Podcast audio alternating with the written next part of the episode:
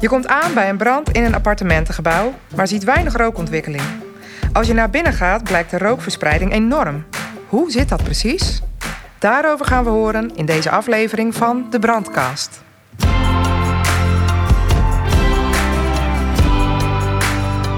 Leuk dat je luistert naar de Brandkast van de Vru.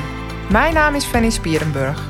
Elke aflevering bespreek ik samen met een collega van Team Brandonderzoek één incident en de lessen die we daaruit kunnen leren. Nou, welkom bij deze nieuwe aflevering. Steven van der Loos, jij zit hier uh, tegenover me. Je bent vandaag de gast. Um, Vandaag kom je vertellen over een casus waar je zelf onderzoek naar hebt gedaan. Ik zou zeggen, eh, begin maar. Welke casus heb je meegenomen? Ja, ik heb een casus meegenomen van een brand in, uh, in Zeist enige tijd geleden in een uh, appartementencomplex. Een, een, een, pand waar best wel wat rookontwikkeling is geweest. En ik denk dat dat een interessante casus is om over te vertellen. Leuk. Nou, ik ben benieuwd. Uh, vertel eens, wat was de melding en, en hoe was de situatie bij aankomst? Nou, de melding was dat omstanders die uh, hadden rook waargenomen in een, uh, in een entreehal van een modern pand. En dan moeten we denken aan een pand van een jaar oud met iets van 40 woningen erin.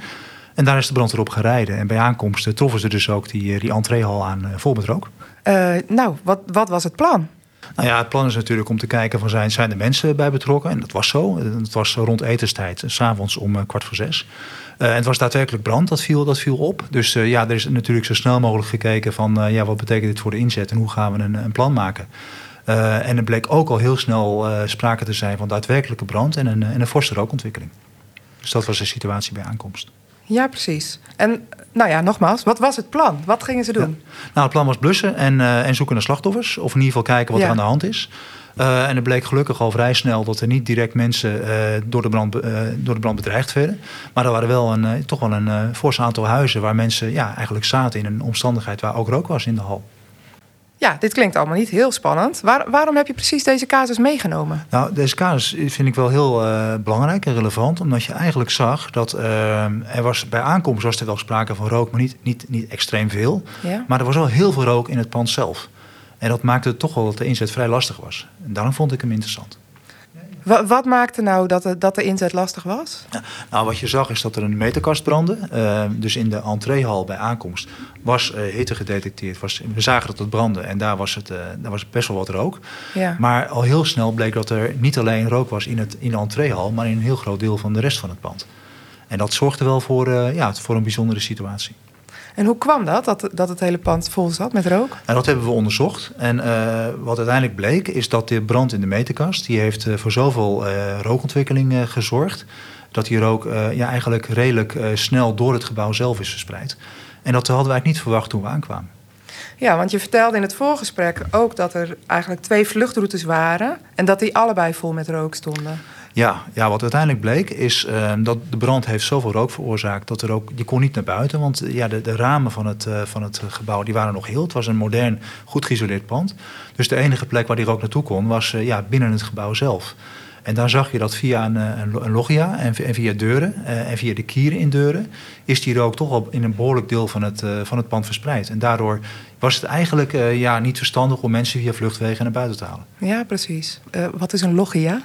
een loggia is een, uh, als ik het goed heb, het is een, de architect heeft dat bedacht. Het is een, een opening tussen twee, tussen twee verdiepingen. Dus bij de entree had je, een, had je een plekje met een hoger plafond. En dan zag je een balkon zitten en dat is voor het licht. Maar dan kon ook de rook, die kon eigenlijk ja, van precies. bouwlaag 1 naar bouwlaag 2 toe. Ja. ja, je vertelt net, het was een nieuw pand. Het was net een jaar opgeleverd. Uh, dat soort panden hebben toch ook allemaal rookwerende uh, systemen? Ja, die zaten er ook. En het, uh, preventief was het gebouw ook prima in orde. Um, en wat we juist onderzocht hebben, van hoe kan het dat in zo'n modern pand uh, toch zoveel rookverspreiding kan zijn? Ja. Nou, dat hebben we uiteindelijk bleek dat doordat er best wel wat rookontwikkeling was en die rook zich kon verspreiden over twee bouwlagen en ook de buitenkant van het pand dicht bleef, dat er een soort druk is ontstaan, een soort overdruk, waardoor die rook eigenlijk door alle kieren en spleten heen werd gepest. Uh, wat dus uiteindelijk zorgde dat de trappenhuis en de hal op uh, ja, eigenlijk twee bouwlagen eigenlijk vol met rook stond. Ja, en wat betekende dat nou precies voor de brandweer inzet? Nou, dat betekende dat dus als je, als je een afweging maakt van goh, in zo'n, in zo'n pand met brand en je zou willen dat mensen naar buiten gebracht worden of, of op eigen beweging naar buiten gaan, dat dat in dit geval heel erg lastig was. Want in de woningen boven, ja, in de bovengelegen verdiepingen zaten mensen gewoon eigenlijk betrekkelijk veilig in hun eigen appartement. En in de hal waar ze erheen zouden moeten om naar buiten te gaan, daar stond het vol met rook. Ja, precies. Dus dat was wel een hele bijzondere situatie. Dus normaal gesproken brengen we mensen naar buiten, maar in dit geval uh, is gevraagd om mensen om binnen te blijven. Ja, dat heet het stay-in-place principe. En dat betekent eigenlijk dat mensen uh, op hun, uh, in hun eigen huis zijn gebleven, omdat ze daar het meest veilig zaten. Um, het was een mooie zomerse dag, dat helpt natuurlijk ook. Mensen stonden op het balkon, dus indien nodig konden mensen via het balkon ook wel naar buiten gebracht worden. Ja. Maar het bleek al heel snel dat er wel veel sprake was van rookverspreiding in het hele pand maar niet veel sprake van hitteverspreiding. Dus de hitte die zat echt op locatie van de brand, maar de rook zat in een groot deel van de rest van het pand. Ja, precies. En um, hoe, hoe reageren de bewoners daarop? Ja, goed, je hebt natuurlijk brand in je, in je woonomgeving, dus dat is altijd spannend. Uh, dus dat, dat was wel uh, ja, wat je verwacht. Dus mensen zijn geïnformeerd wat er aan de hand was. Um, het bleek gelukkig al redelijk snel dat de brand snel onder controle was. Dus dat maakt dat de gevaarsituatie al snel was geweken. En de brand is gewoon geblust. Maar dat de afhandeling van incidenten, dat heeft, zo'n incident heeft wel enige tijd geduurd. Want ja, al die rook in het pand, die moest er ook weer uit. Ja, en is dit nou een, een uh, algemeen gegeven bij nieuwbouwpanden? Nou, wat je vaak ziet, en daarom vind ik deze casus erg interessant... moderne panden zijn gewoon anders dan oude panden. En dat is ook wel logisch, want als je kijkt naar, de, naar met name de, de isolatie-eisen van tegenwoordig... zijn gewoon heel anders dan een aantal jaren geleden. Uh, dus een echte ouderwetse uitslaande woningbrand zien we gewoon in de praktijk steeds minder.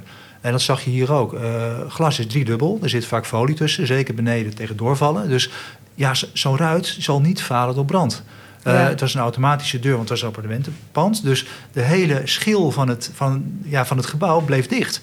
Ja. En dat zien we wel vaker in moderne panden. Dat de brand eigenlijk ja, binnen zo'n binnen zo'n uh, object blijft. En dat zorgt echt wel voor een andere ja, ontwikkeling en andere, andere verspreiding van rook en hitte dan, dan dat je in oude panden ziet. Ja. ja, daar gaat gewoon een ruit eruit vaak. En dan kan de hitte eruit en zuurstof erin en een brand komt tot ontwikkeling. Ja. Nou, het is een, eh, een mooi verhaal, Stefan. Dank je wel. Graag gedaan. In deze aflevering hebben we gehoord dat branden in moderne appartementencomplexen zich anders kunnen gedragen dan branden in oudere gebouwen. Door de goede isolatie blijft de brand vaak binnen het gebouw, waardoor de rook zich in het gebouw verspreidt. Dank voor het luisteren en tot de volgende Brandcast.